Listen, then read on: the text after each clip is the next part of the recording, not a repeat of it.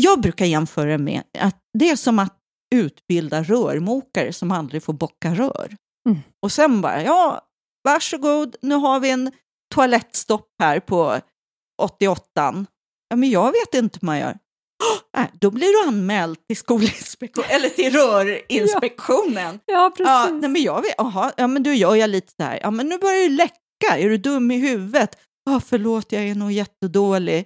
Världens sämsta rörmokare. Så funkar det för lärare.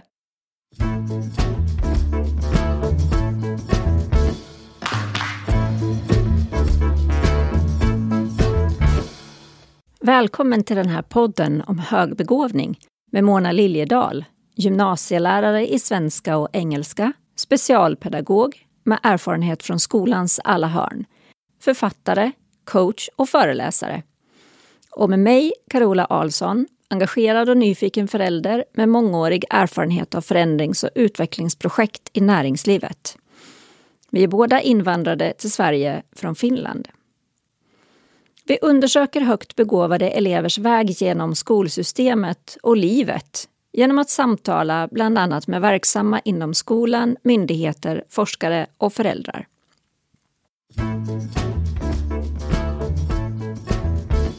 Och vi kan väl börja där då. Mm. Vem är du?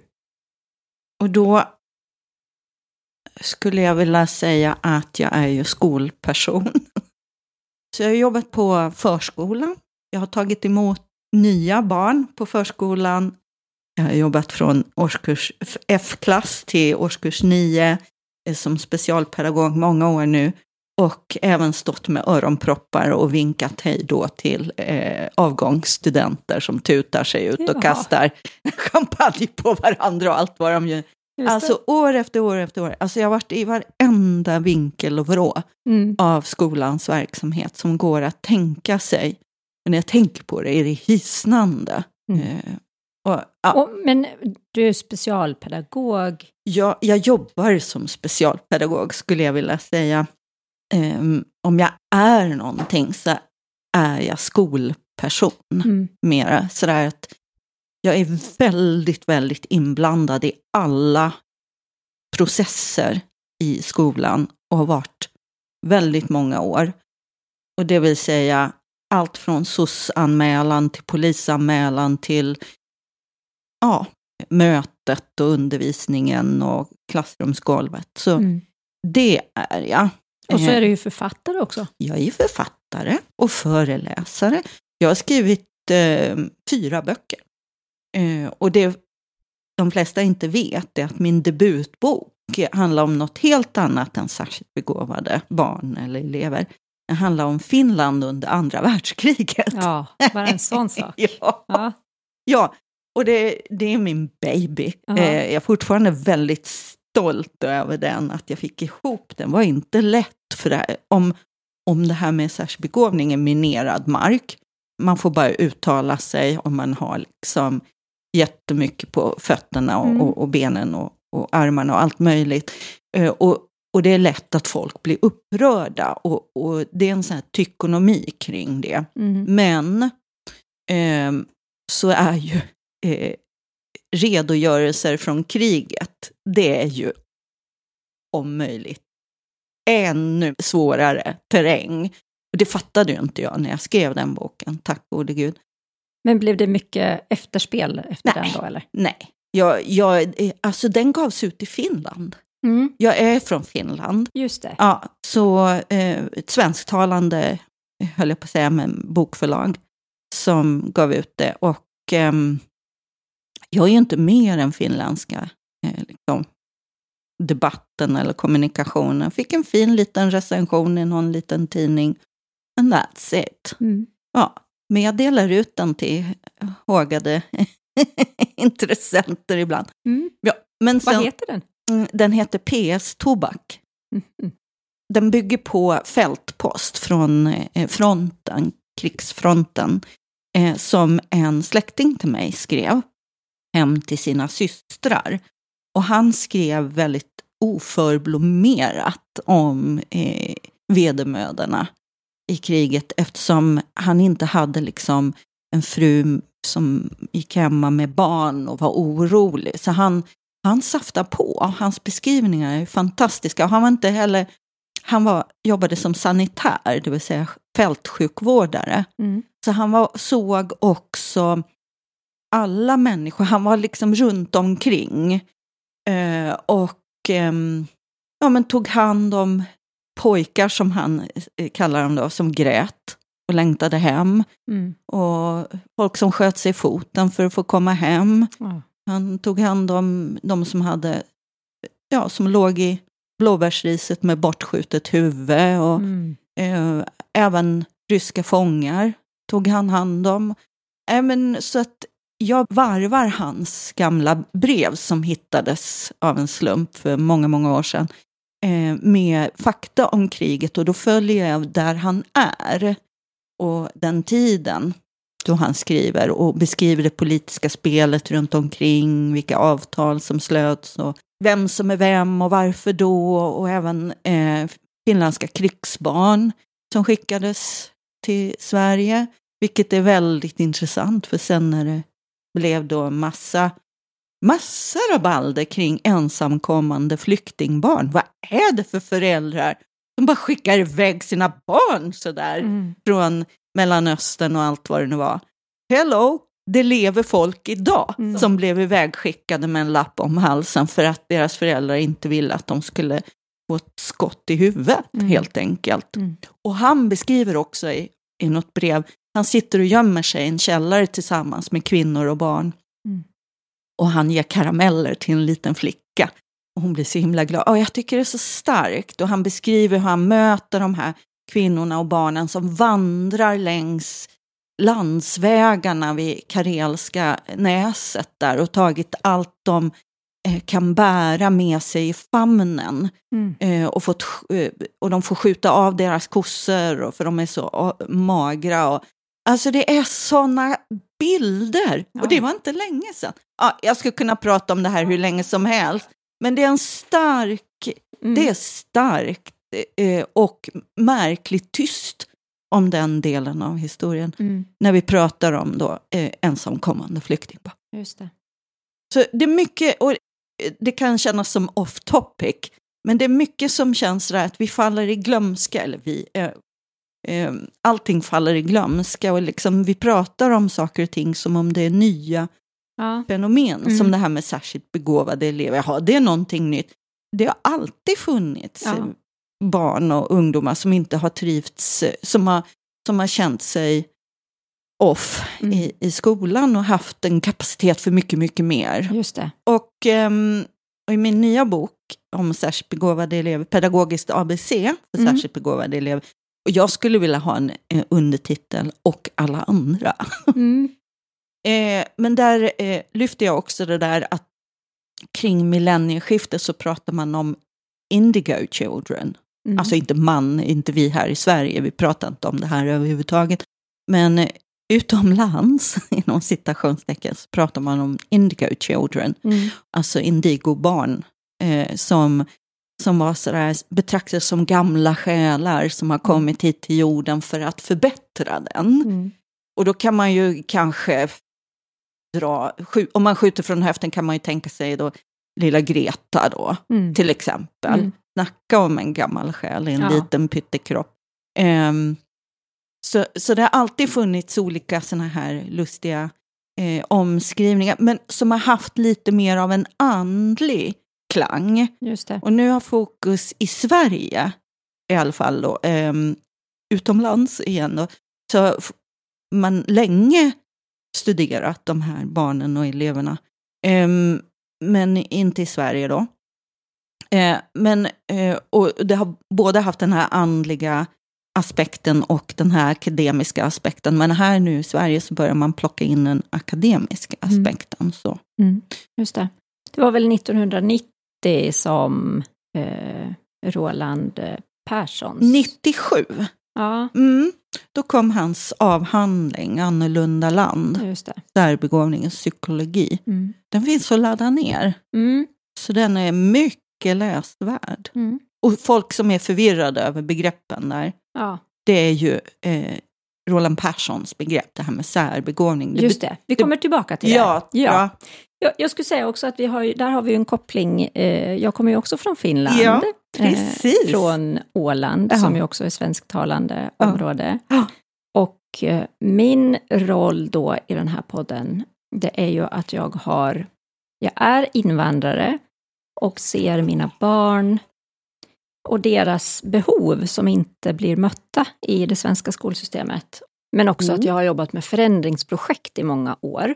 Ja, Och, och då tänker jag på det här att skollagen ändrades ju 2011. Men Ja. den har ju fortfarande inte landat i alla klassrum. Ja. Och, och hur ska en lagförändring egentligen färdas till så att den når eleverna?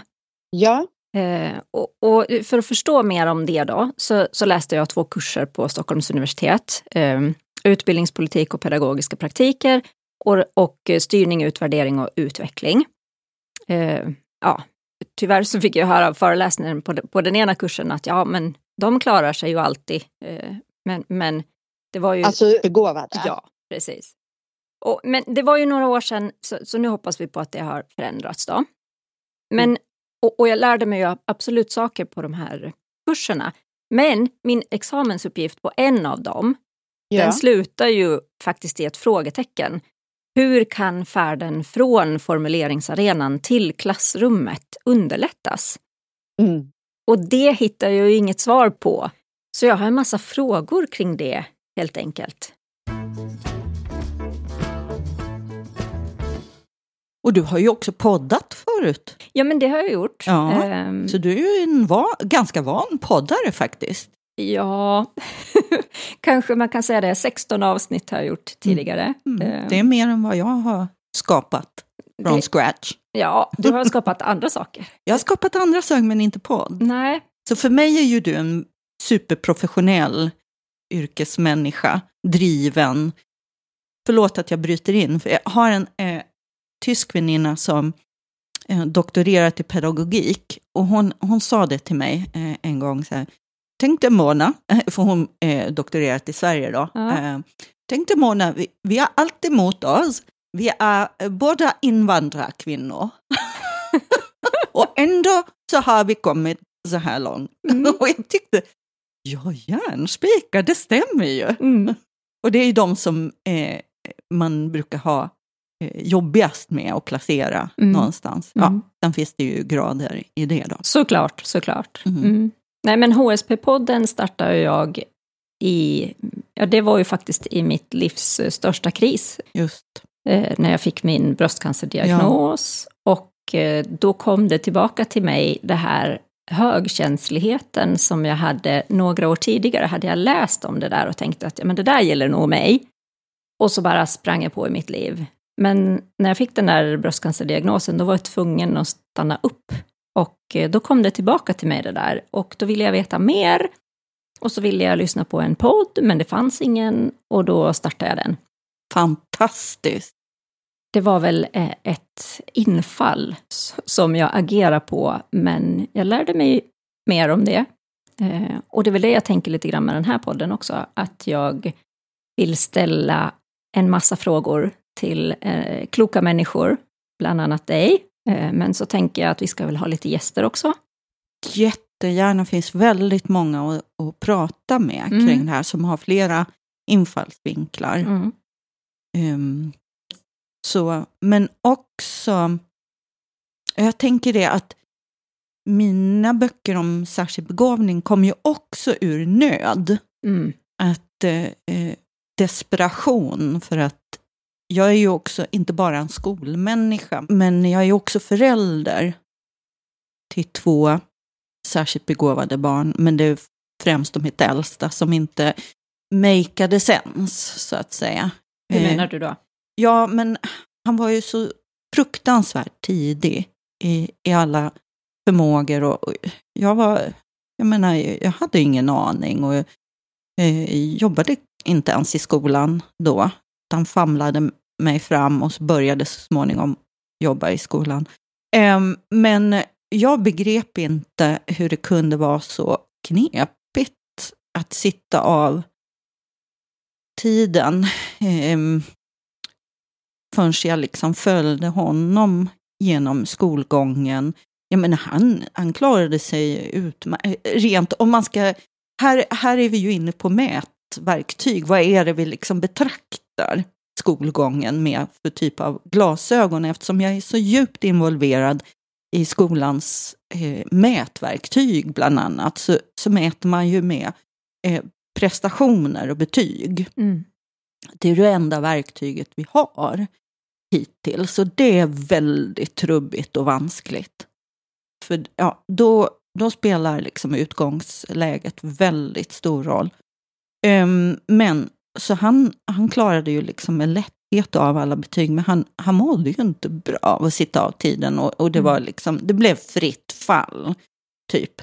Men han är ju, han fyller 26 nu om några veckor, så att um, han är ju på, långt på andra sidan. Men det, det kom utav en desperation att det inte fanns någonting eh, att läsa om det här som, som var riktat till oss som jobbar i skolan, men också kunde läsas av föräldrarna naturligtvis. Men, så jag tänkte, men jag har redan skrivit en bok, jag har gått en skrivutbildning på universitetet så också, så att, ehm, eh, så att jag tänkte att eh, jag måste. Jag får göra det själv. Jag får göra det själv, Mm. helt enkelt. Mm. Nu gör jag det själv då. Ja, Och då gjorde jag det. Och- tre gånger. Tre gånger. Ja. Ja, Mm. precis. Det, Har du några fler? Jag, ser, jag såg att du har skrivit en avhandling om tonåringar. Ja, just det, det. Det började så. Det var så jag tror Skolverkets projektgrupp hittade mig. För jag har ju, eh, har ju varit med och skrivit eh, Skolverkets handlingsplan. Mm. Ämnesdidaktiskt stöd i svenska. Mm. Jag är eh, lärare i i gymnasiet i svenska och engelska. Mm. Um, så, um, och där jag jobbade då, uh, det var på ett gymnasium i Nacka som speciallärare. Då gjorde jag en egen liten studie um, som uh, hur, eh, hur många som hamnade på mitt bord som uh, jag uppfattade var särskilt begåvade och hur många var flickor, hur många var pojkar, hur många uppfattade jag eh, hur många hade redan en diagnos, hur många uppfattade jag skulle behöva utredas och bla bla bla. Mm. Och så skrev jag ihop det där och så fick jag ett pris. Eh, Nacka har eh, ett fjäderpris, eller hade åtminstone då, så jag fick ett litet pris för det. Och så Vad, publiceras. vad var det för pris? Eh? Eh, Ja, men man får en fjäder i hatten. Typ. Ja, Nej, men det heter fjäder. Ja. får man ett diplom och så är det prisutdelning. Och så var det lite pengar också till skolan där jag jobbar på. Mm. Ehm, så, och så publicerades eh, artikeln då i, på Skolporten, tror jag Mm. att det heter. Mm. Ja, och den finns fortfarande där. Mm. Så, så det var en första liten eh, exposé. Mm. Så. Och sen eh, skrev jag för Skolverket och sen, sen var det bara att fortsätta. Mm. Och, och jag är så glad att jag eh, hittade en förläggare som var intresserad Mm. av att ge ut på det här temat. För det, det, det bubblade inte riktigt då. Mm. Um, utan det var väldigt ja, men nytt och lite obekvämt. Mm. Det är ju väldigt stigmatiserat och Mm. det låter väldigt skitnödigt faktiskt om jag ska vara ärlig. Nej men alltså, och jag, jag vrider mig lite när jag pratar om det här. Mm. Och särskilt när jag pratar om det i kretsar som inte har med det att göra. Mm. Eh, och där jag bara är måna. Mm. Och så, jaha, vad skriver du om då? Ja, nej, ja, jo men jag skriver om, då brukar jag säga så här, men jag skriver om elevers behov i Ah. skolan och, Mm. och, och, och bla bla bla, Mm. omskrivningar.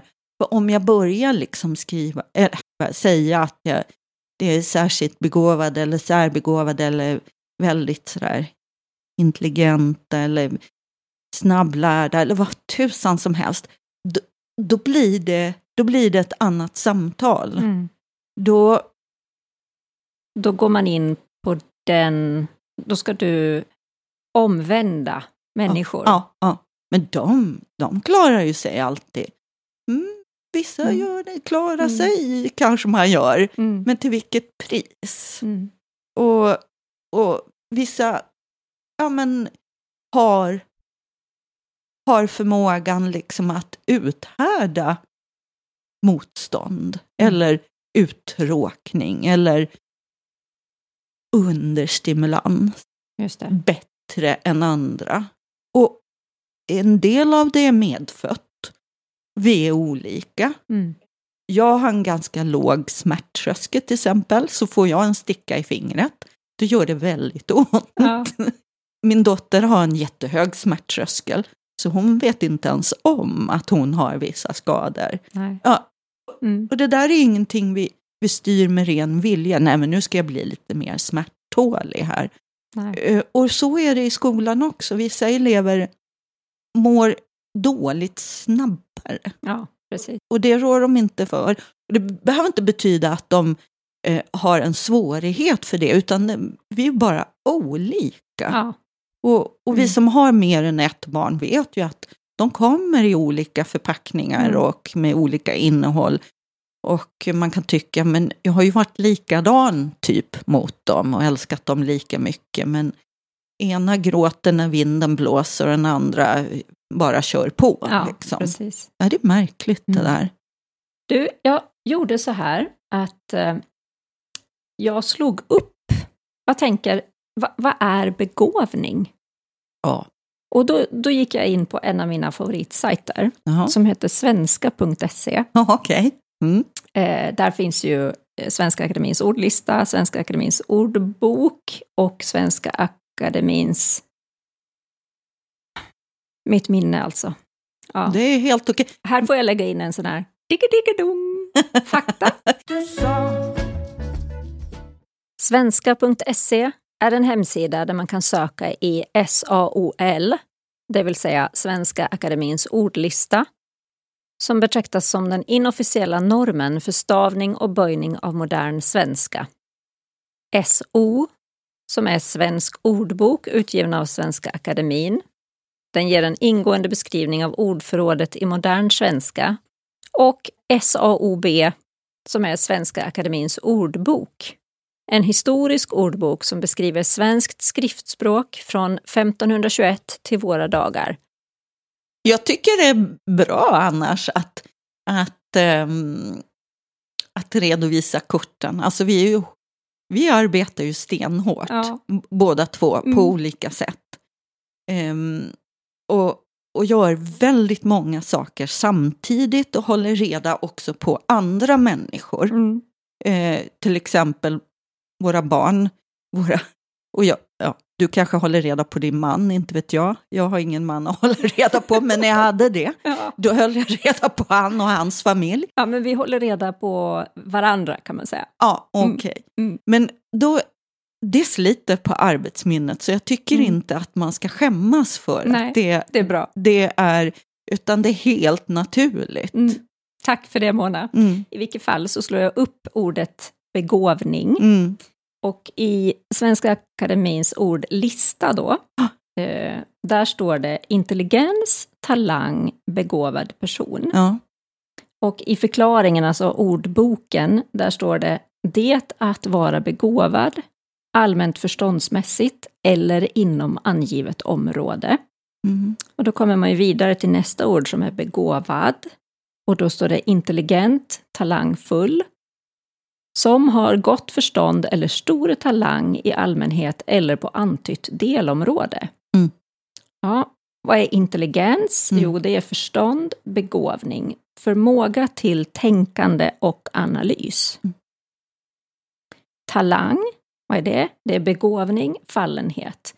Medfödd lätthet att tillägna sig viss färdighet, särskilt på det konstnärliga eller det idrottsliga området. Mm. Mm. Men vad är fallenhet då? Mm. Vi kommer liksom vidare och Mm. vidare här. Kul. Eh, anlag, benägenhet, ja det är en medfödd förmåga. Mm. Vad är en förmåga då? Jo, det är en duglighet eller kapacitet. Möjlighet att utföra något som enbart beror av inre egenskaper, särskilt hos levande varelser. Eh, Duglig person står det också när det gäller förmåga. Mm. Person med begåvning på vissa områden. Då måste jag slå upp duglig. Vad Mm. betyder det för något? Se även duga, står det. Och så står det som har mer än tillräcklig förmåga på det område som framgår av sammanhanget. Duga, vara tillräckligt bra. Alltså nu känner jag, nu, nu, Nu. nu börjar det spåra ur här. Ja, verkligen. För att nu börjar det bli liksom värderingar Ja. här också. Visst. Men, men om, om okej, det fanns anlag här också. Ärftlig faktor som ger viss själslig eller kroppslig egenskap hos organismer. Mm. I vissa fall i samverkan med miljön Ja. och därför inte förutbestämt. Mm. Benägenhet. Drivkrafter som verkar i angiven riktning och leder till handling, utveckling etc. hos personer eller föremål. Mm. Allt det där. Oj, oj, oj. Ja, det, det här... Eh, bra, snyggt. Nu, det, det var nästan en exposé över mi- min förtvivlan över att hitta rätt eh, formulering för det här. Jag är inte jättebekväm med särskild begåvning som Skolverket bestämde att det Mm. skulle heta nu. Mm. För att man skulle komma bort från särbegåvning som folk missuppfattar. Ja, det är sådana här elever som eh, har en eh, funktionsnedsättning samtidigt som de är jättesmarta. Och då många tänkte att det är elever med autism som kan ha spetsförmågor. Mm. Och det, det, behöver ju, det är inte osant, men det är absolut inte det som särbegåvning handlar om. Mm. Och, men särskild begåvning, ah, det, det känns inte heller klockrent. Jag famlar runt och du, du var inne här, det var verkligen en kompott av Mm. eh, andra eh, snubbeltrådar där Mm. och duga och, Mm. och fallenhet och bla bla bla. Mm. Men det viktiga du tog upp där, eller som din sajt här eh, tog upp, det är ju att i samverkan med miljön, att eh, det, är en, det är ett anlag eh, och så långt har den forskning som finns, som inte är svensk, eh, vi har ju liksom, vi står ju i början av eh, våran eh, forskning eh, på det här temaområdet. Eh, Det är ju otroligt nytt i Sverige. Så, men den utländska forskningen som pågått väldigt länge eh, på det här området är enade kring att det har någonting med genetik medföddhet att göra. Mm.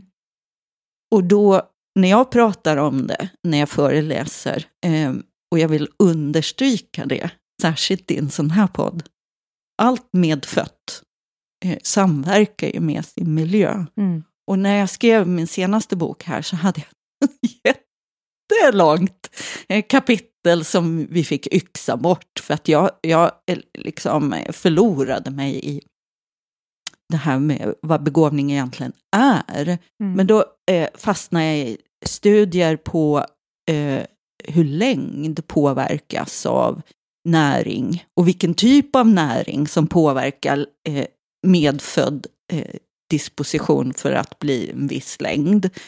Och, eh, och där finns det, och det är svårt för man kan inte backa Mm. och, och, och se hur lång barnet skulle bli om den inte var utsatt för svält och så Mm. vidare. Utan man får gå på det man har. Men det har man, eh, man också kommit fram till att trauma påverkar längd. Mm.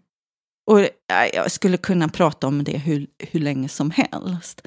Och om det till och med, om trauma, näring, eh, omständigheter, modens förhållningssätt till bebisen, att det till och med kan påverka någonting så komplext som längd. Ja. Eh, någonting så, som man tänker, liksom, det, det här är eh, tunga grejer Mm. att kofota sönder Mm. genetiken. Man blir ju lite svettig som mamma. När man Då blir man svettig Mm. som mamma och tänker Mm. så här, "Åh, gud, vad har jag gjort? Mm. Men, men begåvning påverkas, alltså det medfödda eh, anlaget för all möjlig typ av begåvning påverkas också på samma sätt Mm. av alla de här miljöfaktorerna. Mm. Stimulans, närhet, kärlek och det finns ju de här studierna på em, barnhemsbebisar som själv dör för att de inte får Mm. em, beröring. Jag menar, alltså, begåvning är plastiskt skulle Mm. jag vilja säga, för hjärnan är plastisk. Ja, och det går inte att plocka ut det Nej. i, ur sitt sammanhang. nej, nej. Mm. Och, eh, och apropå då liksom, och, och begåvning tolkas också i sitt sammanhang. Mm. Och eh, eh, jag är mitt inne nu i en processutbildning i en stor svensk kommun. Eh, och då handleder jag eh, processhandledare eh, i det här temat.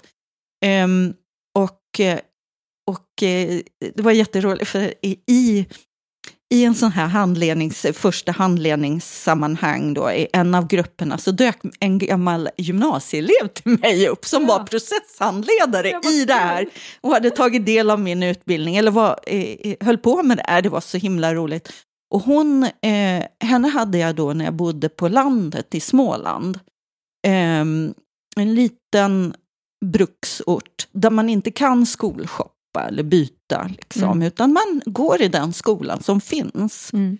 Eh, punkt slut. Mm. Så är det bara. Mm. Och det var roligt att prata där och prata vidare då om begåvning med min gamla gymnasieelev, för jag kunde liksom, vi kunde tillsammans enas om att begåvning ser, tolkas olika beroende på var man befinner sig. Och där vi befann oss i den här lilla småländska hålan, höll jag på att säga, men den är ju fin på många sätt och naturen och sådär, men ehm, för att bli betraktad som begåvad där, då, när hon gick i skolan och när mi- mina barn växte upp där, så skulle man vara sportig Mm.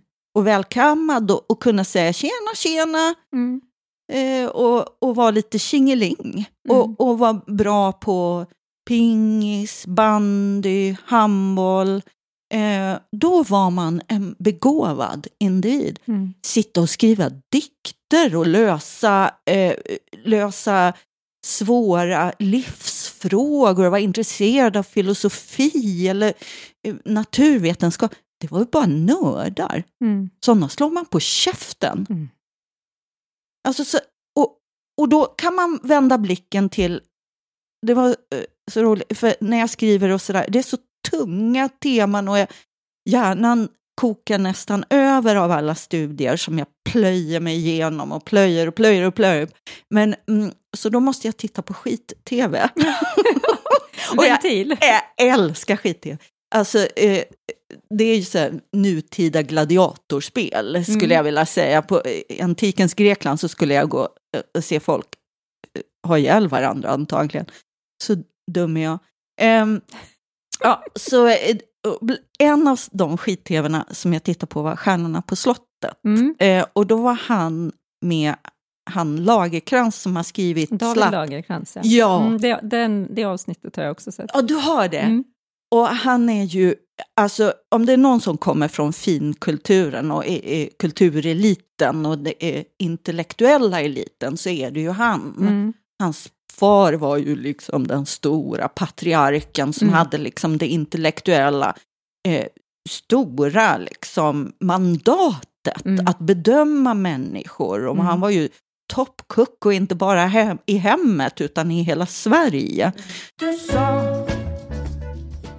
David Lagerkrans pappa var Olof Lagerkrans som var chefredaktör för Dagens Nyheter 1960 till 1975. Han hade huvudansvar för kulturdelen och hade en nyckelroll i den radikalisering som skedde i det svenska kulturlivet under den här tiden. Ehm, så eh, David, han växte ju upp i hans skugga, pappans skugga där då. Och han, han berättade någonting så fint som jag vill liksom verkligen lyfta fram här då i, i, i kontrast till den här lilla småländska hålan. Att, eh, att David berättade att om man var lite ledsen och känslig, då var det någonting fint. Och, och det var det enda gången, jag vet inte om du kommer ihåg det, men det grep mig så starkt Mm. att han sa att eh, han kunde liksom få sin pappas närhet och, och gillande. Den här stora intellektuella giganten Mm. liksom riktade sin eh, strålkastare mot lilla David om han sa jag känner mig lite sårbar och ledsen nu. Mm. Eller hur han nu formulerar sig. ja. Då var det så här, oh, det var någonting intressant. Då var man intressant va, Ja, som människa. det. För att det man- visade Mm, ett djup. mm, Du vet, där jag växte upp, det, det, var, det grep mig så starkt, för jag är ju uppväxt i precis motsatt miljö. Mm, Alltså, håll alltså är du Mm. lite känslig och djup, ja men du är, du är på sopen direkt. just det. Jag är ju arbetskraftsinvandrat barn Mm, i en liksom ytterförort till Stockholm, där, som fortfarande är ett flyktingupptagsställe. mm. Ehm, vi var inte flyktingar, men Men hur var det för dig då? Nej, men jag, jag trodde jag var dum i huvudet precis från vett. Jag var ju för djup. Också, jag började dejta väldigt tidigt, alltså när jag var alldeles för tidigt, för jag hade väldigt, väldigt dåligt hemma. Mm. Alltså det var en familj i totalt sönderfall, fritt fall. Ja men typiskt så här invandrarfamilj liksom, och, Mm. och finländsk familj. Mycket alkohol inblandat. Eh, många olika styvföräldrar, eh, styvkonstellationer. Nu heter det ju bonus. Mm. Det var fasen med ingen bonus. Mm. Eh, det var hårt som Mm. attan. Och här sitter du. Här sitter jag Mm. och där var det fasen med ingen fördel att vara känslig och djup Nej. som jag. Men det är väl kanske det som har tagit dig dit du är. Ja, framförallt så förstår jag det här på djupet. Mm. Och jag, jag känner, jag har en otrolig ödmjukhet för hur komplext det här är. Mm. Jag har inga föreställningar. Alltså nu bor ju jag på Södermalm i Stockholm. Mm. Men det är helt osannolikt. Jag kunde lika bra varit död. Nej, ja, Mm. det var, jag levde väldigt farligt. Mm. Eh, och ehm, ivrigt påhejad då av den eh, miljön Mm. jag, jag befann mig i. Mm. Så att, jag menar, och det är ju sådana... Och, och betraktades inte som, som att jag var något särskilt smart Nej. eftersom jag var så känslig och djup och sådär. Det var ju någonting fel. Mm. Det, det, det skulle man ta bort och dölja. Och, och särskilt om man ska bli ihop med någon. Mm. Jag vet inte hur många gånger jag fick höra att nu du är nog för djup för mig. Ja. Jag känner igen det där. Oj, vad djupt det blev nu, kan Ja. man få höra ibland. Ja. Ja. Men, men eh, jag tänkte på just det här med David Lagercrantz. Mm. Det som jag kommer ihåg mest eh, från det programmet, jag, jag minns det här som du sa, Ja, vad men kul. jag minns också det att eh, han tyckte att det var lite obehagligt det här att hans pappa och hans vänner, de kunde sitta framför tvn och döma. Ja. Och då blev det liksom för honom också sådär att, att, att man, man ska bli bedömd och dömd eh, av Ja. sin far. Mm. Eh, det, det var liksom en, en oro han gick och bar med sig. Ja, det förstår jag. När man lever så högt upp, Mm, då är fallet högt. mm, Men det blir vi ju allihop. Eller liksom, Mm. det känner ju jag igen. mm, Jag blev ju jättebra. Jag har haft tre eh, pappor, två Mm. styv.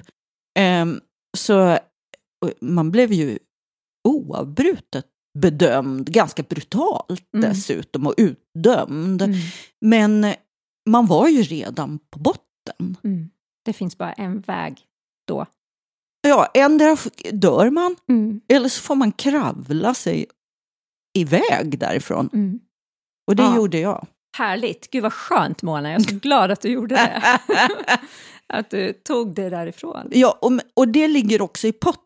Mm. När, när jag pratar om vem är jag? Jo, jag är en skolmänniska, men det är inte bara ett akademiskt och erfarenhetsbaserat Mm, eh, intresse eller liksom eh, kunskapsområde, utan jag, jag har gått, vandrat i mörker. Mm. Liksom, så att jag, jag, jag förstår de här processerna. Jag sitter med väldigt många föräldrar, svåra möten. Jag jobbar med eh, eh, barn som, med invandrade föräldrar, nyanlända barn.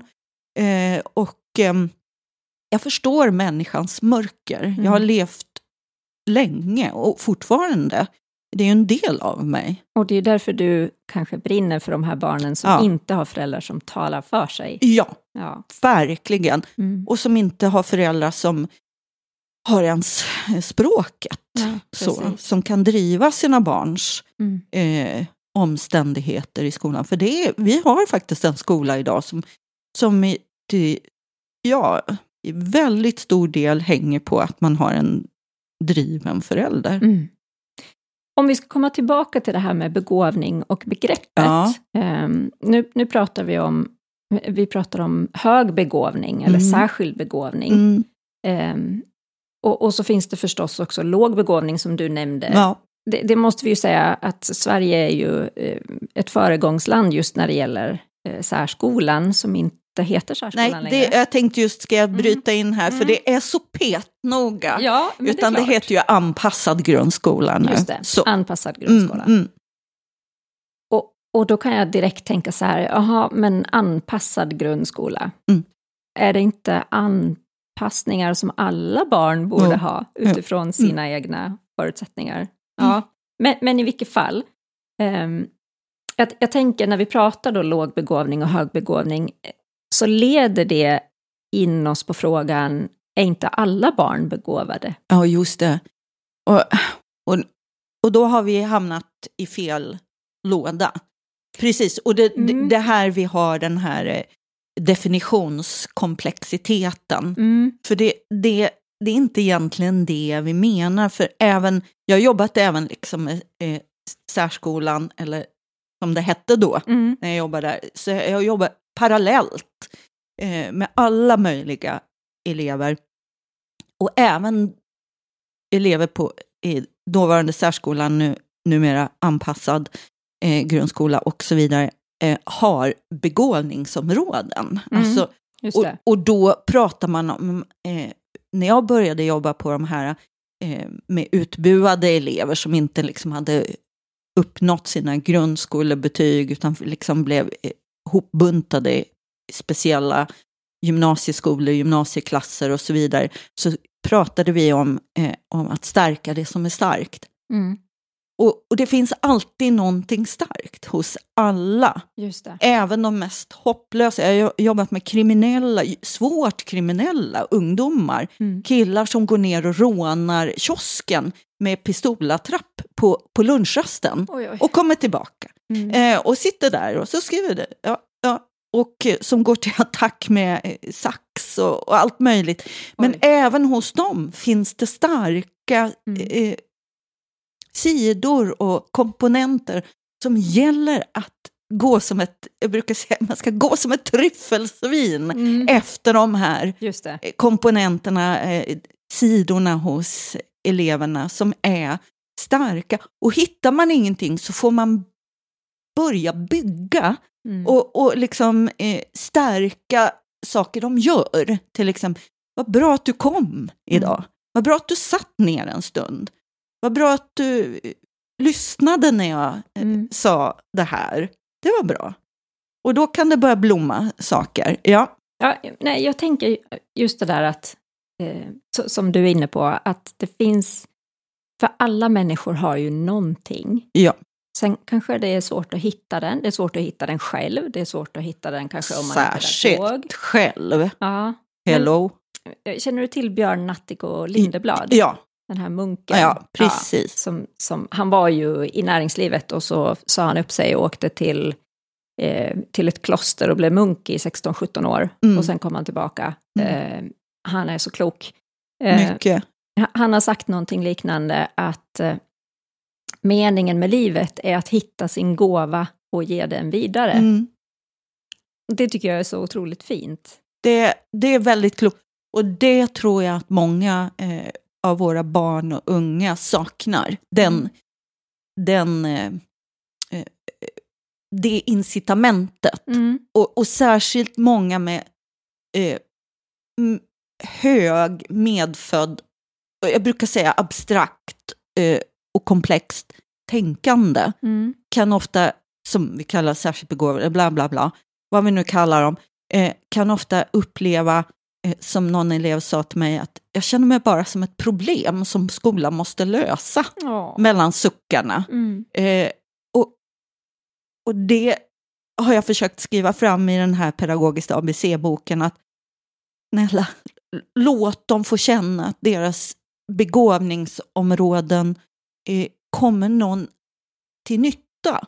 Särskilt de själva då Mm. naturligtvis, men gärna eh, utöka det. Och det är ju inte avskilt för särskilt begåvade eller särbegåvade Nej. eller liksom Mm. elever, utan det är ju det är för alla elever. Och jag har ju jobbat så väldigt mycket med på gymnasiet och gjort liksom projektbaserade uppgifter för helklasser. Mm. Där allas texter blir publicerade efter granskning och noga eh, putsning och bildsättning. Att alla känner att wow, wow, wow, det, blev, det blev något på riktigt Ja. av det jag gjorde. Mm.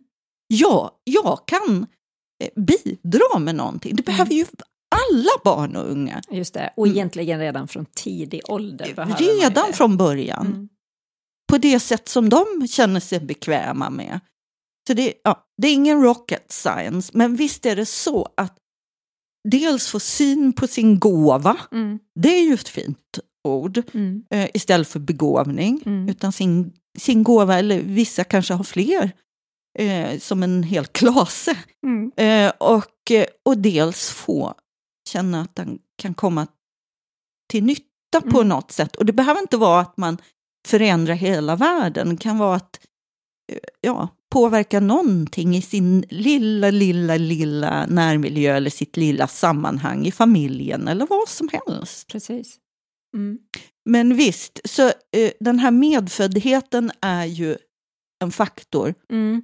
som, som miljön påverkar ehm, väldigt mycket. Ja. Och, och, och i min nya bok, där, eh, ABC-boken, så skriver jag liksom, vad, vad, om vi bara leker med tanken, jag menar Mozart till exempel.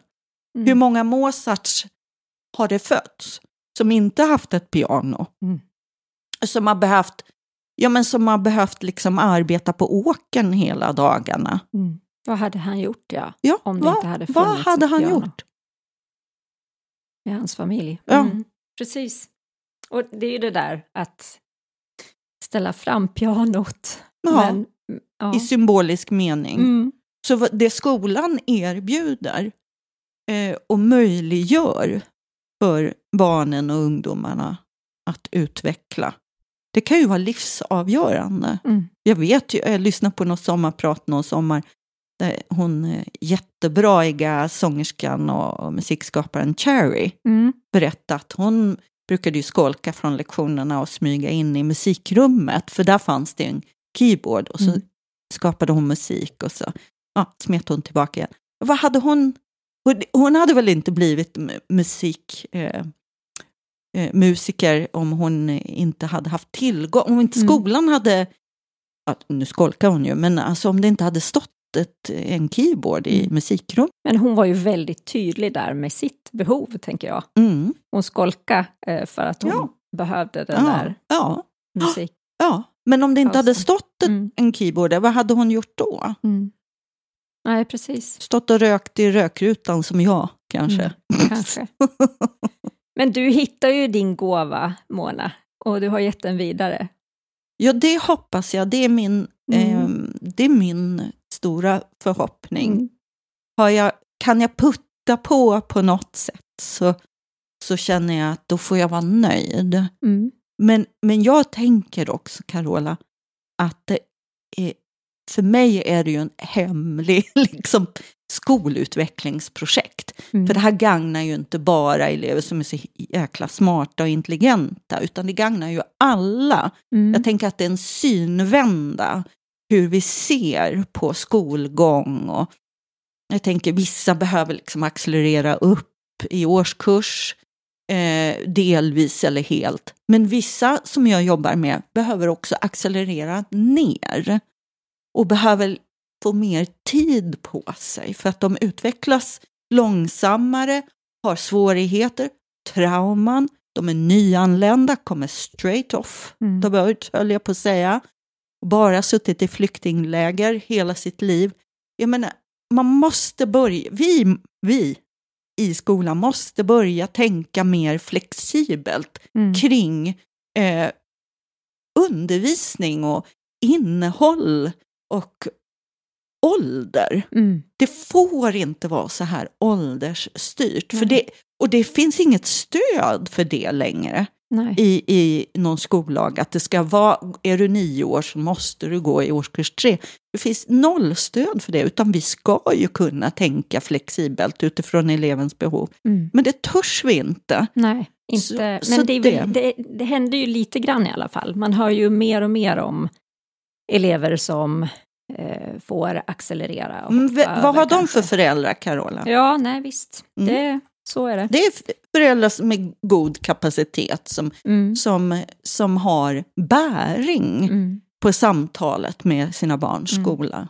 Det är, ju var barn- inte, det är ju inte mina invandrarelever, det är inte eh, barn eh, i Småland eller vi- vad som helst i Tjotahejti. Mm. Ehm, det är inte de föräldrar som har jämnt skägg med att skilja sig och överleva depressioner och gud Nej. vet allt. Nej, nej, men så är det ju absolut. Men, men det, det börjar i alla fall komma någon form av exempel som man kan hänvisa till. Mm. Eh, Men jag tänkte säga, när jag var barn, eh, jag växte ju upp i en liten byskola på Åland. Ja, det då- låter så romantiskt. Ja, men det gör ju det, och det var det väl till viss del. Eh, Det som jag, som jag tänkte säga, det var ju att ehm, i Finland så är det lite annorlunda system.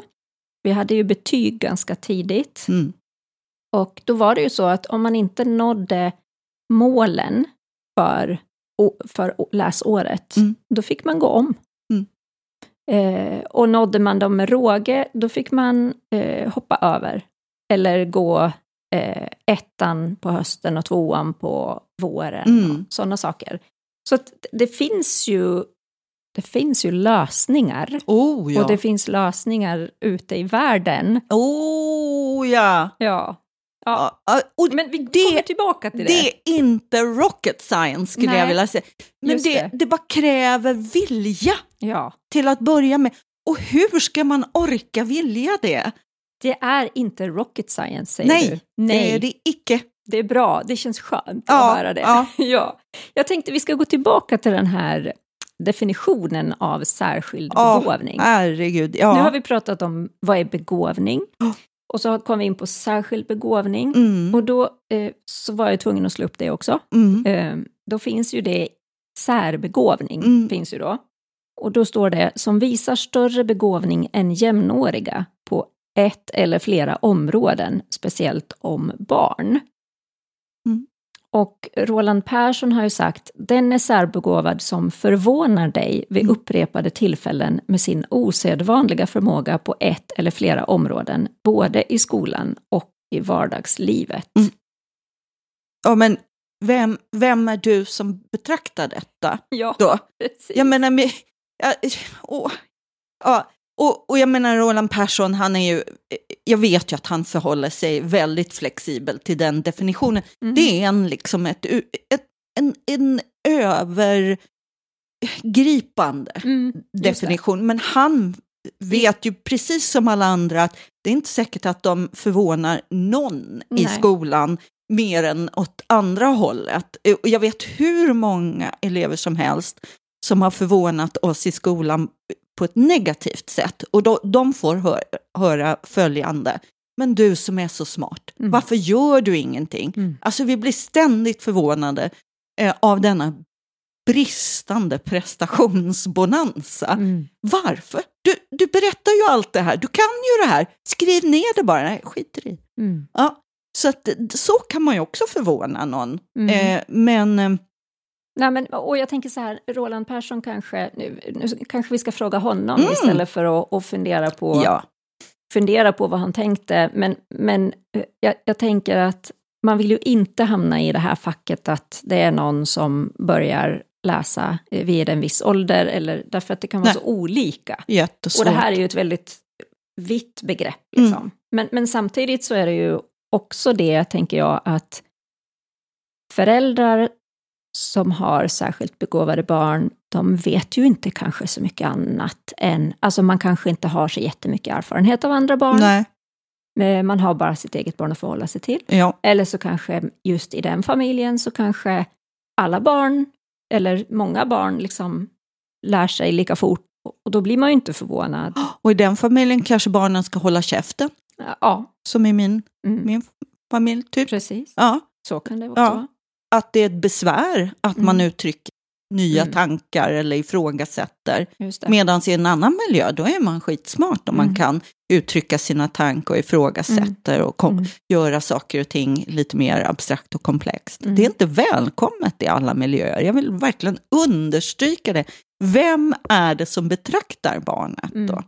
Precis. Ja, och jag menar, det är väldigt viktigt att förstå det här utifrån eh, kontexten. Ja, ja, Ja, och, precis. ehm, och som sagt, eh, den, både den socioekonomiska, den sociokulturella eh, och alla möjliga kontexter, Mm.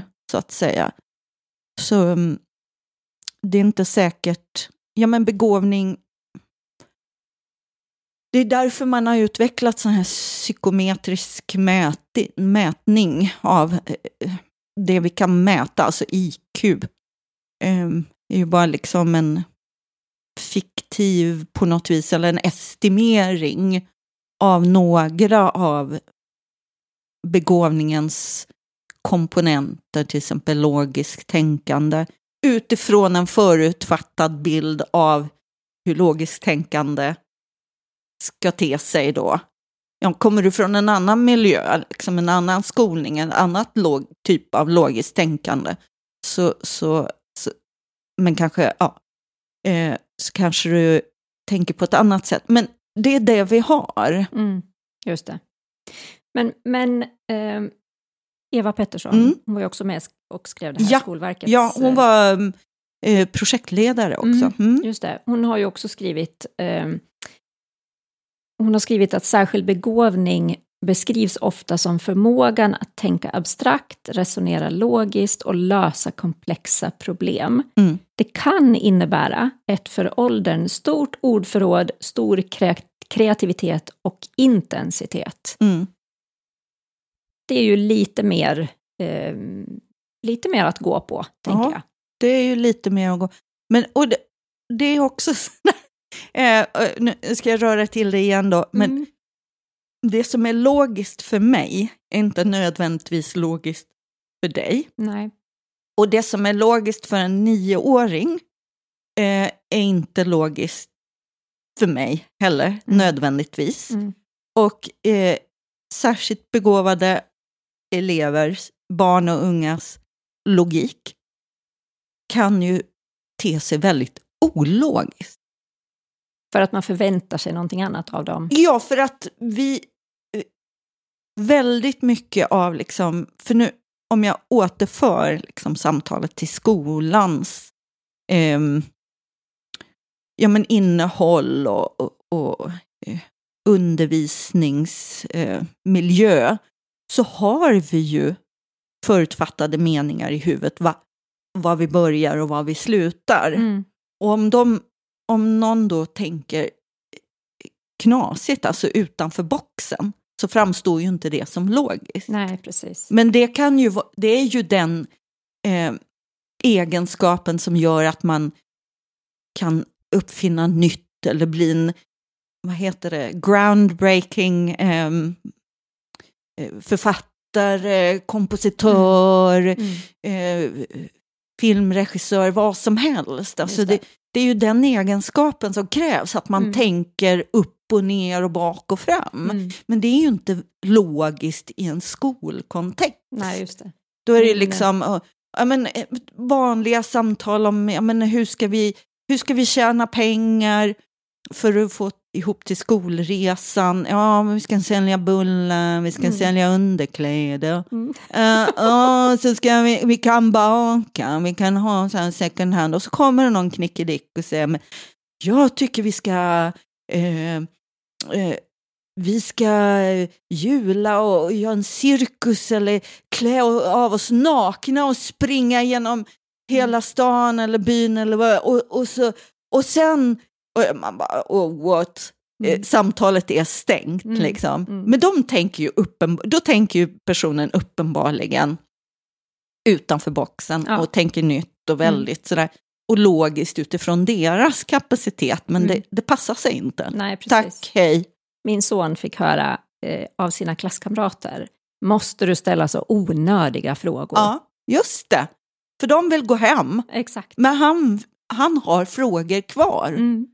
Och det här känner ju jag igen Mm. från mitt första barn. Alltså han, han, han har ju fortsatt liksom vara, ställa frågor och sådär, fast han har ju bara, han anpassade ju sig sen, men det blev ju tråkigare när man inte får delta Mm. i undervisningen. Det här känner ju väldigt många föräldrar till särskilt begåvade igen. Mm.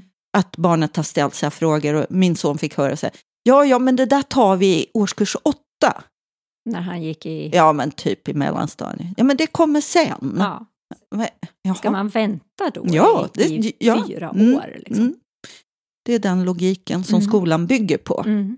Och, det är det jag menar, att det, det är inte rocket science att bryta loss den eh, logiken. Apropå logiskt, tänka logiskt. Mm. Det är ologiskt Mm. hur skolan är uppbyggd, fast den ser, det ser logiskt ut från utsidan. Mm. Ah, ja. Ja. Eh, men det, det, det, där var, det var intressant. För att det, det är logiskt utifrån, men det är ologiskt Mm. eh, för vissa åtminstone. skolan passar snart inte en enda. Eh, Ett tag så har den passat några i mitten. Mm. Eh, och vad är mitten? Ja, men mitten av alla besvär, mitten av eh, intelligens, om man ska vara så Mm. Eh, pissig och tänka, för det gör vi ju här. Mm. Eh, mitten av eh, socioekonomi, sociokultur, bla bla bla. Mm. Eh, men nu är jag osäker på om det passar dem heller Mm. längre. Det, för vi är inne i hela tiden i reformer. Och nu när vi pratar, Carola, em, hösten 2022, så, Mm. så är det ju en läroplansförnyelse igen. Mm. Så nu, alltså vi är så reformtrötta och, och less på skiten, vi som jobbar i skolan, så att det är svårt Mm. att em, hitta farten, att hålla upp en, liksom ett förändringsarbete. Mm. För det är också hela tiden liksom eh, resurser, resurser, resurser. Det är pengar, pengar, pengar, pengar, pengar. Pengar, pengar. Mm. Ja, men vi kan inte, nu får inte eh, tappa smöret och, eller vad heter det? F- f- jag, jag tänker så här, varför måste vi prata om begåvning då? Ja. Ja, det är, en, det är ju den frågan som jag känner att jag hela tiden måste ställa mig själv. Varför i hela friden skriver jag och håller på med det här? Och, och det finns ju eh, ett svar per unge, känner jag.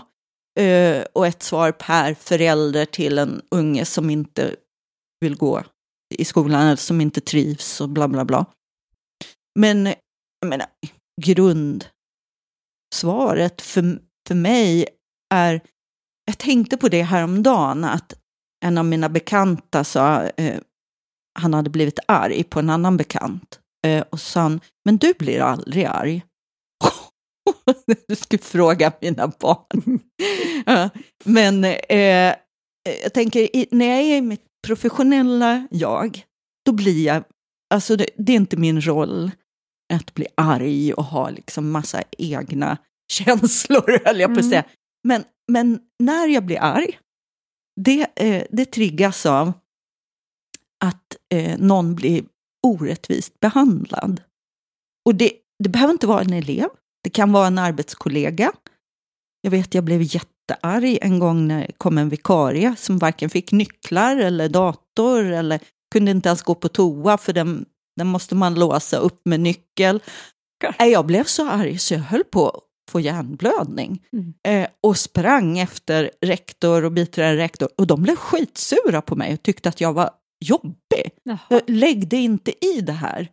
Eh, men då blir jag skitförbannad så att jag, jag kan inte kontrollera mig. Mm. Och då, eh, jag känner att det bottnar där. Jag blir så fruktansvärt arg när man eh, inte möter barn och ungas behov Mm. I en miljö eller på en plats där de inte har valfrihet Mm. att vara. Det är ju för fan misshandel. Mm. Om de ska liksom, okej, varsågod. Första dagen i förskoleklass. Ehm, grattis, nu ska du liksom följa våran struktur, våra order och du har ingen eh, inverkan på din skolgång själv. Och mår du dåligt, ja men då utreder vi dig. Mm. Inte skolan, Mm. inte miljön, inte mig som lärare, utan dig. Det är dig det är fel på. Det kan ju vara någonting som eh, inte eh, är 100 procent hos elever. Alltså, elever kan ha nedsättningar på alla möjliga sätt. Det kan vara tillfälliga och eh, otillfälliga, Mm. alltså kroniska Mm. nedsättningar på, i olika områden. Men vi pekar alltid ut eleven. Jag är förbannat jävla trött på det, ursäkta mitt språk. Mm. Jag är så fruktansvärt trött på det. Mm. Det är som att, att ha en, en trasig, leva i en trasig familj Mm. och, och skilja sig och slåss och bråka och supa och ha sig, som jag växte upp till exempel. Och peka på barnen och säga att det, ja, om du lipar så är det ditt fel. Ja. Då får du lösa det. Du menar att skolsystemet är dysfunktionellt? Skol, du, det är så frukt, det är som en dysfunktionell jäkla alkisfamilj ibland. Mm. Alltså vi pekar ut barnen, så barnen får lipa liksom för sig själv och då, Mm. då blir det bara besvärligt för oss om Mm. barnen signalerar. Och, och det är inte bara särskilt begåvade jag blir upprörd för, eh, utan alla som, som tycker att det här är trögflytande och inte orkar. Mm. Jag blir lika upprörd för alla elever. Det var bara det att jag eh, har barn som, som, ja, som stötte på patrull och vägg liksom, när det gäller att gå snabbare fram eller djupare eller högre eller Mm. bredare. Det fick man inte. Och det, jag fattar inte det. Det är ju en lärande miljö. Mm. Det, och i grund och botten, apropå särskild begåvning, alltså, kärnan av det är ju att lära sig mer abstrakt och komplext. Och du var inne på det i definitionerna. Ehm, att det finns som en komponent. Mm. Och eh, eh, det finns ju många olika definitioner i, i olika länder också. Jag, jag gillar det brittiska skolsystemets definitioner. Det är most able learners. Mm. För det, det bottnar sig i en mer abstrakt och komplex lärandeförmåga. Mm. Oavsett hur den yttrar sig, vilken spetsbegåvning eller talang eller vilken miljö man kommer i, Mm. ifrån, där man där har stimulerats, om man har lärt sig cykla eller inte. Ehm, eh, och till exempel i den, en skola som jag jobbar på nu, alltså barn bara från invandrarfamiljer som inte, föräldrarna knappt pratar svenska, alla de barnen har lärt sig spela schack från förskoleklass. Mm. Det är inget fisförnämt med det. Alla spelar schack som nöje på rasten och sådär. Mm. Eh, alla, alla olika begåvningar. Ja, men hur, hur som helst. Ja. Men i en lärandemiljö ska man inte kunna få gå längre. Alltså det här skulle vara oacceptabelt i en, i en sportsammanhang. Ja. Och Zlatan säger, nej Zlatan, nej, nu, du, du är alldeles för bra, du får sitta på bänken. ja, Så att dina kompisar kan bli lika bra. Att de hinner ikapp. Ja, det, det är otänkbart. Mm. Eller eh, någon som sjunger exceptionellt bra. Nej, men du får hålla käften lite. Mm. Så de andra kan öva upp sin sångröst här i skolkören. Mm. Du får absolut inte sjunga solo, för du sticker ut. Ja. Nej, men det är otänkbart. ja. Men när det gäller lärande Mm. i, i sin grundkomponent, då, ska vi, då är det locket på. Jag blir så förbannad. Men eh, okej, nu, nu kommer eh, eh, nu kommer det lite ifrågasättanden här då. Ja, men prata om begåvning. Ja. Eh, vad, ska, vi, ska vi bli ett elitistiskt samhälle nu då? Det är vi ju nu. Eftersom vi inte pratar om det. Det är bara eh, skitduktiga föräldrar som du, Carola, som, som, som är skitjobbig eh, gentemot dina barns skolor och liksom i princip tar dem i kragen och säger nej, nu skärper ni er. För enligt skollagen bla, bla, bla, bla, bla, bla. Det är bara du och dina likar som, som har en akademisk utbildning slash bildning, som kan lingot, som har ett socioekonomiskt eller sociokulturellt kapital, som kan driva fram någon jäkla förändring och eh, påverkan på era barns skolor. Det är djupt elitistiskt idag eftersom det hänger på enskilda föräldrars drivkraft och lingo. Så, Så. tack för mig. Hej då! Ja, men det är helt rätt. Det är helt rätt. Mm. Det är ju elitistiskt som det är idag. Det är ju det det är. Ja, för att vi inte... För att vi inte... Alltså, vi måste prata om begåvning för att vi inte har pratat Mm. om begåvning. Eller för att vi inte... Inte därför, utan för att vi inte har adresserat behoven. Ja, och vi, vi är skitdåliga på att upptäcka, upptäcka de här Mm, barnen och eleverna. mm, För de finns ju inte bara i skolan utan redan på förskolan då, mm, eh, om de inte kommer senare till Sverige. Jag menar barn från socioekonomiskt och sociokulturellt påvra hem. mm, Hej då, inte fåglarna ser vi dem. mm. Och de som inte ens pratar svenska, ja men det, ju, det säger ju sig självt. Jättesvåra att upptäcka. Mm. Eh, Den internationella forskningen säger att vi upptäcker i lägre utsträckning flickor ju äldre de blir. I förskolan eh, är, är det lättare, men när de börjar bli tonåringar och bete sig Mm. och sminka sig och sånt och lägga upp sig på Instagram som min dotter säger att mm, gud, det är bara ni dinosaurier som använder Instagram. Men de använder andra, Ja. TikTok och sånt där och ser, Mm. har lösögonfransar och sånt. Mm. Då ser vi inte dem som begåvade. Mm. Och, eh, så det är ju grupper som redan är utsatta och, Mm. och elever då med diagnoser av olika slag eller trauman. Mm. Eh, och det kan man, eh, man kan få trauman fast man inte är nyanländ och kommer från ett krig. Mm. Det finns tra oerhört traumatiska omständigheter eh, på plats, så att Mm. säga. Man behöver inte komma någon annanstans ifrån. Man kan få stryk så det visslar om det Ja. hemma Mm. och, och bli eh, så utsatt Mm. på alla möjliga obehagliga sätt som jag inte vill gå in på. Men då eh, beter man sig på ett sätt som inte uppfattas som begåvat och den kliniska anlaget för liksom abstrakt och komplext tänkande, det som vi kallar för intelligens då, eller vad vi nu ska kalla det då, eh, det bromsas. Mm.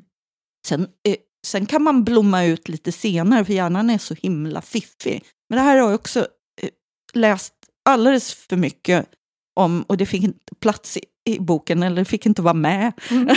Men alltså trauma eh, Mm. och pissiga omständigheter bromsar kliniskt Mm. begåvning. Och det vet vi som har varit utbrända. Mm. Eh, hur fiffiga var vi då? Alltså, själv kunde jag inte ens läsa en vanlig eh, tidningsartikel om någon, vad som helst. Nej, precis. Det- Och, och jag kun- kunde inte heller läsa långa... Jag orkar inte läsa Nej. långt och jag älskar att läsa. Ja. Men, men okej, men hur, kan man, hur kan man förvänta sig av svenska skolsystemet att de ska kunna bemöta begåvade barn om man inte lär sig någonting Just om det det. i sin utbildning? Just precis.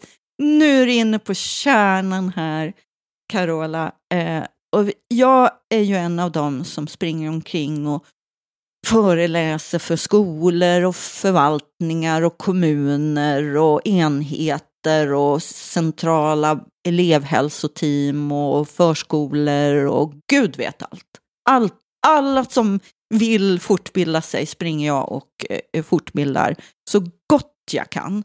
Ehm, men det hjälper ju inte. Jag häller ju vatten på eld Mm. som väller upp som lava ur underjorden och underjorden då är, är på något vis den eh, genereras varje år nya lärare eh, som spottas ut i det här stackars skolsystemet eh, utan rätt verktyg. Men visst, det, vissa lärare, alltså jag tycker att jag har sett att vissa lärare har läst, jo men vi hade lite grann om särskild begåvning. Men så det där är inte, det är lite godtyckligt. Det är väldigt godtyckligt. Mm. Och, och jag menar, i ärlighetens namn så är jättemycket av skolans eh, jättenödvändiga verktyg godtyckliga från eh, lärarutbildningen.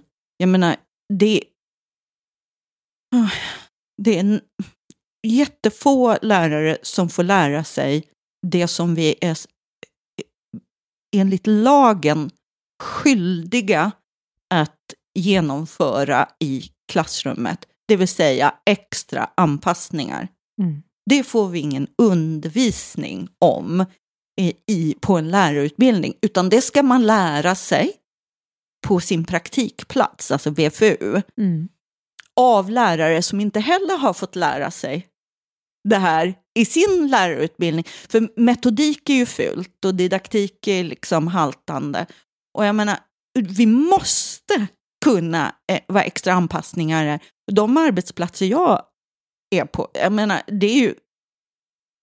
Jag tjatar mig ju till sådana här eh, föreläsningar om extra anpassningar. Det är ju bara det jag pratar om. Tänk på det här. Och jag lär mig hela tiden nytt. Men det har jag ju inte lärt mig på en lärarutbildning, utan det har jag ju lärt mig genom att jobba med bottenslammet, alltså elever som inte har fått eh, det de behöver. Mm. Alltså, och, och det är inte valfritt att jobba med extra anpassningar, men inte ens det får vi lära oss. Det är väldigt få som får lära sig om olika diagnostiska problem, MPF, Mm. dyslexi, dyskalkyli, språkstörning. Det är, det är därför vi, vi som fortbildar har så- mycket att göra. Liksom. För att eh, lärare och elevhälsans personal, skolsköterskor, skolkuratorer och gud vet allt, rektorer, det ingår ingenting om MPF i en rektorsutbildning ännu. Nej. Och ingenting om särskild begåvning naturligtvis, då, Mm. eftersom det är ju... Ja, men det är så undermålig. Jag vill bara gråta. Alltså, jag brukar jämföra med att eh, det är som att eh, utbilda rörmokare som aldrig får bocka rör. Och sen bara, ja, eh, varsågod, nu har vi en toalettstopp här på 88. Ja, men jag vet inte hur man gör. Äh, då blir du anmäld till skolinspektion eller till rörinspektionen. Ja, Ja, nej, men jag vet, aha, ja men då gör jag lite så här, ja men nu börjar det läcka, är du dum i huvudet? Ja, förlåt, jag är nog jättedålig. Världens sämsta rörmokare. Så funkar det för lärare. Mm. Vi, alltså, det är helt, helt galet. Det är massa teori Mm. eh, som, som inte har någon praktikförankring. Nej, och det är ju intressant för, för inom skolan så, så, så pratar man hela tiden om att det ska vara på vetenskaplig grund. Ja, men visst, det, och det ska det ju vara också. Eh, vetenskaplig grund och ehm, beprövad praktik. Ja. Ja, men, Mm. men eh, vi drunknar ju i... Alltså det finns ju hur mycket pedagogisk vetenskap som helst. Mm. Men, eh, och den kommer från alla möjliga håll, precis som det här med särskild begåvning och alla studier som jag har läst. Men att omsätta det i praktiken då till en kultur och ett skolsystem som ser ut som vårat. För det, det går ju inte bara applicera andra länders modeller rätt av, för det, de har andra sammanhang och andra förutsättningar och andra incitament Mm. eh, in och ut ur skolsystemet. Alltså det, så man måste alltid tolka och omtolka. Men det saknas praktikförankring. Eh, Det som jag funderar på det är ju, eh, skollagen ändrades ju 2010. Mm. Där skriver man ju in att även de som lätt når Mm. målen ska, ska få det, det, det stöd de vill ha, eller den stimulans de behöver. Mm. Eh, men va, vad händer sen? Hur ändrar man en lag? Och ehm, jag in, intervjuar Anita Kullander, Mm. som är psykolog, i HSP-podden.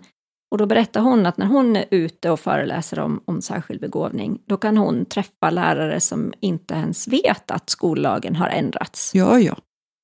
Alltså den här vägen från att, alltså man brukar kalla det formuleringsarenan Ja. där man skapar lagar. Mm.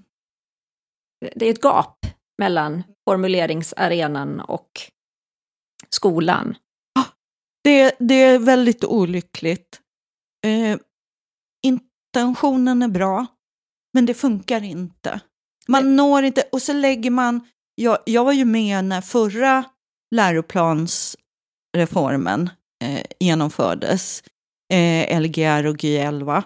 Det var ju den nya skollagen. Mm. Eh, alltså det var upp till varje rektor och rektorsområde att tillgodose medarbetarnas behov av fortbildning. Det var ju liksom inte, det är ju inte så att när man genomför en läroplansreform att, det, att eh, Skolverket som har eh, i uppdrag då att ta fram en massa styrdokument och eh, stödmaterial.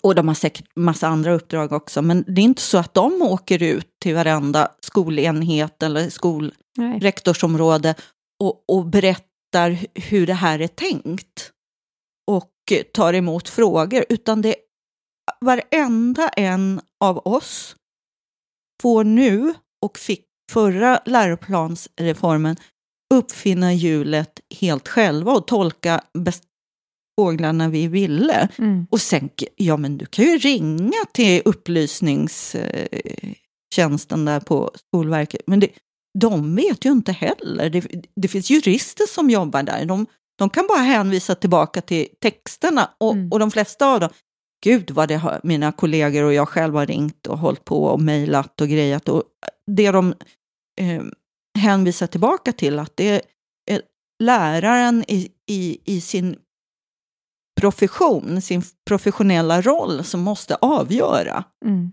vad som är rätt. Ja, då är vi tillbaka. Det, vi, vi skjuter tillbaka på eleven så här, om, om de sticker ut utanför boxen. Så Då, då är det eleven som är fel. Men när vi lärare famlar Mm. och inte känner oss att, att vi, vi har fått ingångar i de nya eh, styrdokumenten, då är det vårat eget fel. Mm. Eh, och, då, och ytterst då rektorns fel. Och då får rektorn hyra in någon eh, som föreläser om språkstörning, dyslexi, dyskalkyli, eh, ADHD, ADD, autism, gud vet allt, särskild begåvning Mm. och så vidare. Mm. Så det är hela tiden någon annans fel. Jag är trött på hur man behandlar eh, skolpersonal. Mm. Och i, i slutändan då barn och unga. Mm. För att det, det, skit rinner uppifrån och ner. Mm. Så att, jag menar, det, det blir så bra som vi gör det. Ja. Men du, jag- jag känner att vi måste komma tillbaka till det där. Mm. Men, men det, som vi, det som vi pratade om tidigare, det här, det här med varför måste vi prata om begåvning? Jag, jag hittade en artikel i Skolvärlden eh, som, som heter Få vågar tala om begåvning. Mm. Den triggar jag direkt på. Jag, jag, jag, är ju jag är en sån här, jag är en person som vill dra fram allt det där som är lite sopat under mattan, det vill jag dra fram och titta på. Eh, Varför då? ja, det är en väldigt bra fråga. Mm. Jag vet inte. Mm. Det- Det är där, det är någon, det är ett behov. Eh, för att jag vill, jag vill förstå eh, varför är det tabu. Alltså, i, inte allting.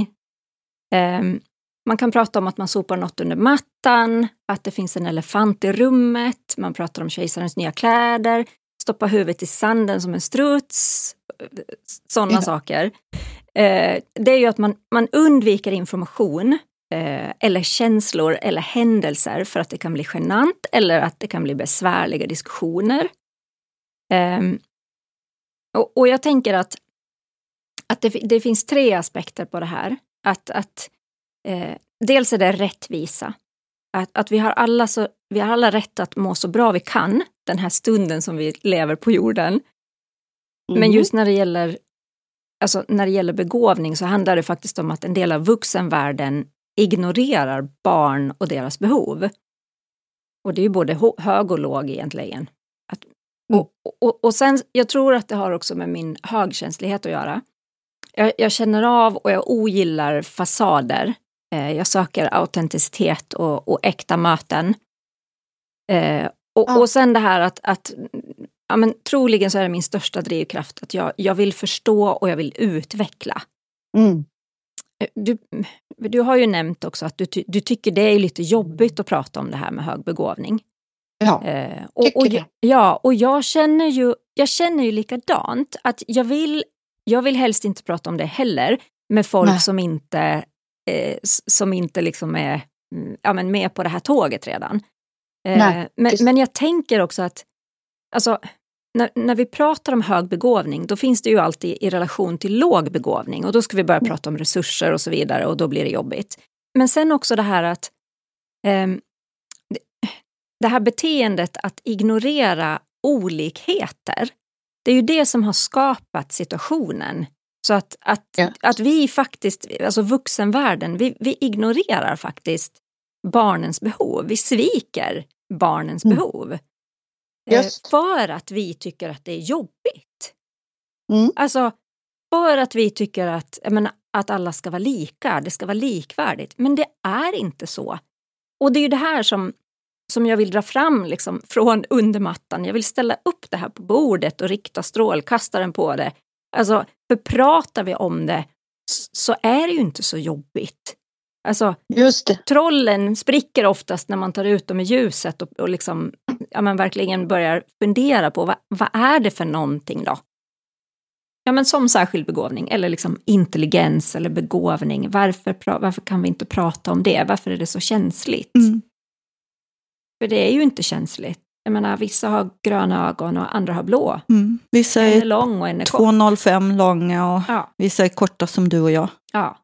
Vi är olika, Mm. men vi är alla lika mycket värda eh, oavsett vad vi har för likheter och olikheter. Men, men, men ja, och, och, och då triggar jag på den här, eh, då tänkte jag, ja men en artikel från 2014 som handlar om begåvning. Och så började jag läsa den och så insåg jag att, nej men, eh, den handlar ju bara om svag, te- svag teoretisk begåvning. Mm. Just det. Så när de skrev den 2014, eh, jag tänker att de ville liksom bryta tabun kring svag teoretisk begåvning. Ja, och det är bra. Det är jättebra. Jag säger absolut inte emot det.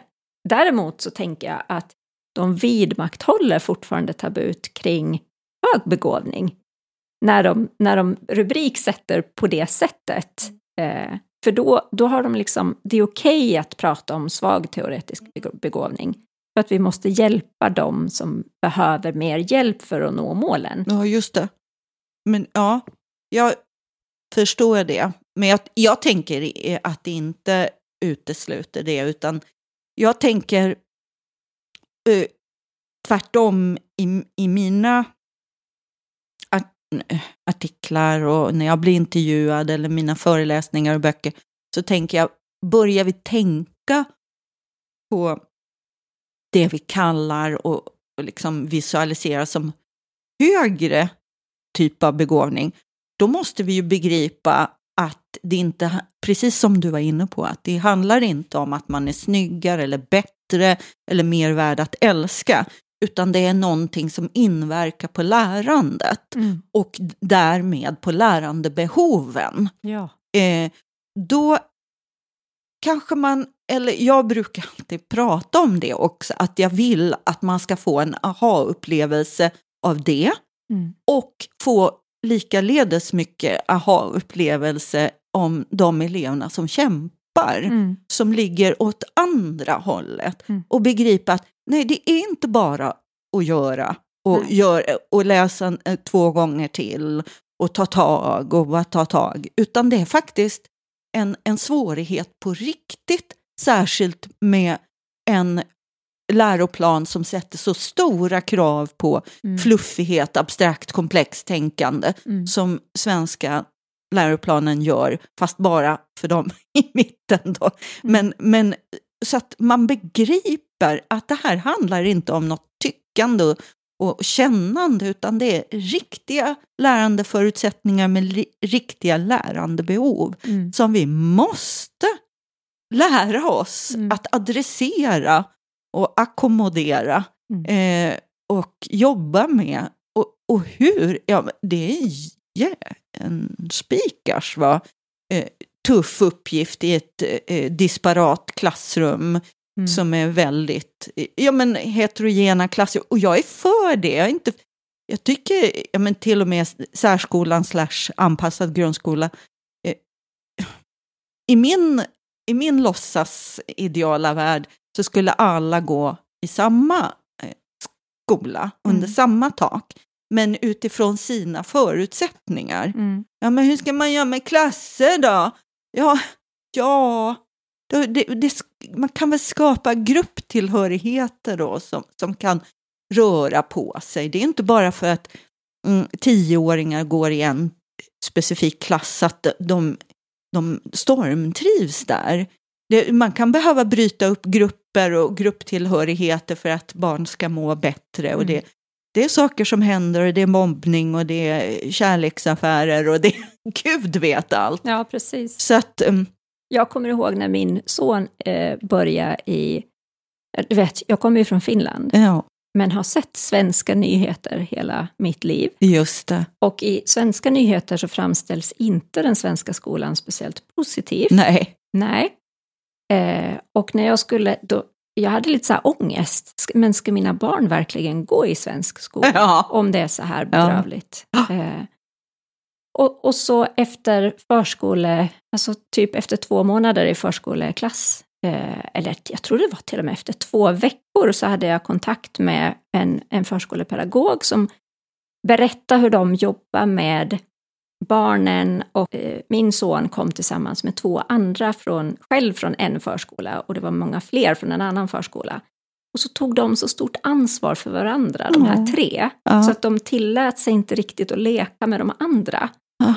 Eh, så att då, då berättade hon liksom att då hade de splittat på, på dem Ja. så att de skulle liksom ja, men lära känna de andra barnen. Och, och jag kommer ihåg att jag blev så otroligt rörd av det där och att jag blev så positivt eh, överraskad hur avancerat socialt pedagogiskt arbete de, de gjorde där.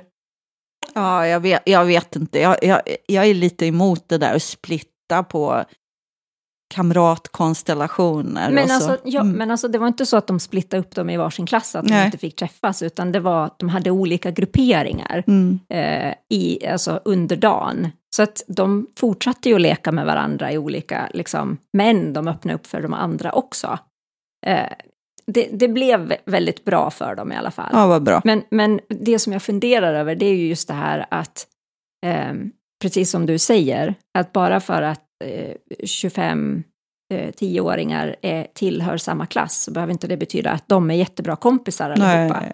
Utan jag menar, tvärtom så skulle man ju kunna jobba då, tänkte jag, nu kommer jag äntligen till min poäng här, att då skulle man ju kunna jobba med just den typen av mera sociala grupperingar kanske, som, för Mm. att Ja. liksom, skapa klasser. Ja, Men att bara för att man är i en klass så behöver inte det betyda att man har samma undervisning. nej.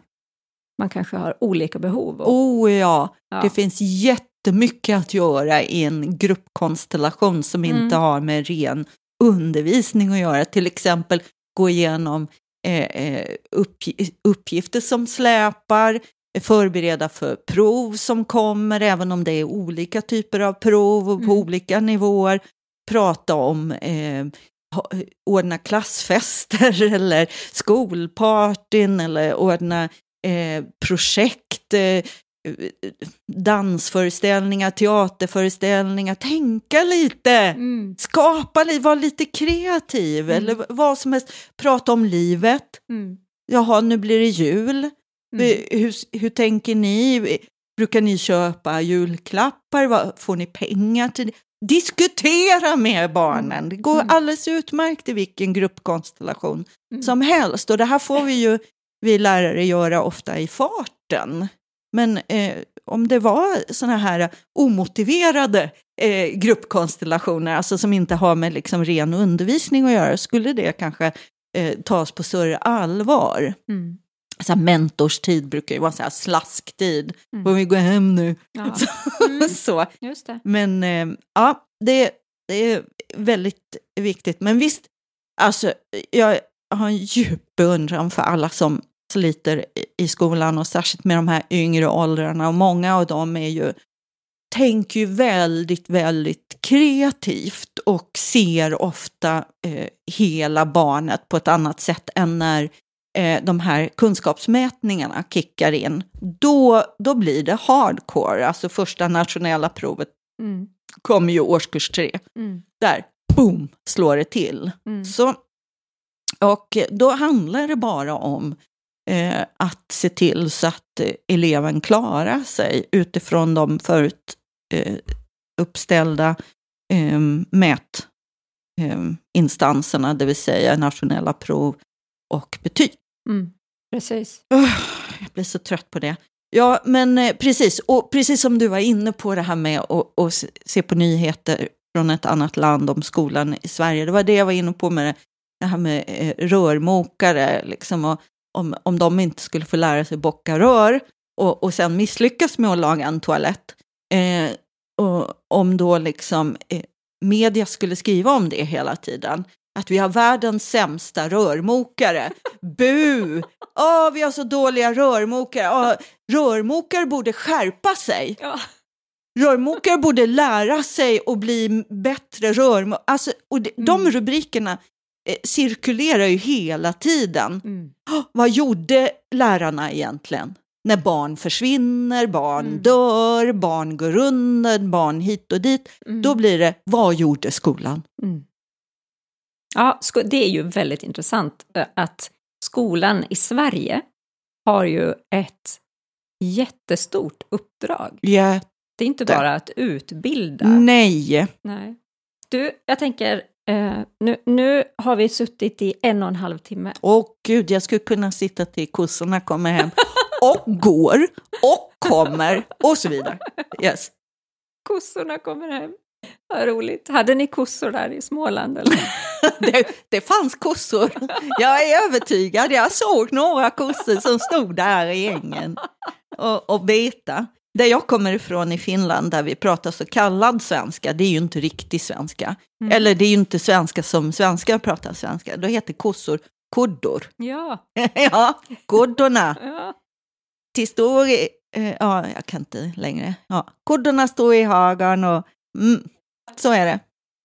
Ja, vi får ta det där någon annan gång. Ja. Jag, jag har också faktiskt eh, träning i eh, österbottniska. Varför?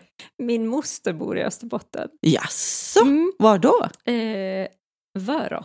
Jaha, se Mm. där ja. Mm. Mm. Jag kommer lite högre uppifrån, Mm. från Jakobstad. Mm. okej. Eller Pietarsaari som det heter det. på finska, för de har ju olika namn. Så det är Peterstad Mm. på, finska, men Ja. Jakobstad på svenska. Ja. Hur ska de ha det? Nej, ingen aning. Gillar du vad du hör? Följ oss gärna i sociala medier. Sök på Begåva eller Begava. Där kan du också komma i kontakt med oss. För mer information om Monas böcker och kurser eller för att boka coaching eller en föreläsning besök webbsidan begåva.se eller begava.se. Gillar du musiken? Mona ligger bakom den också tillsammans med sitt band Obsona som du hittar på Spotify. Det stavas med Z. Vi hörs snart igen.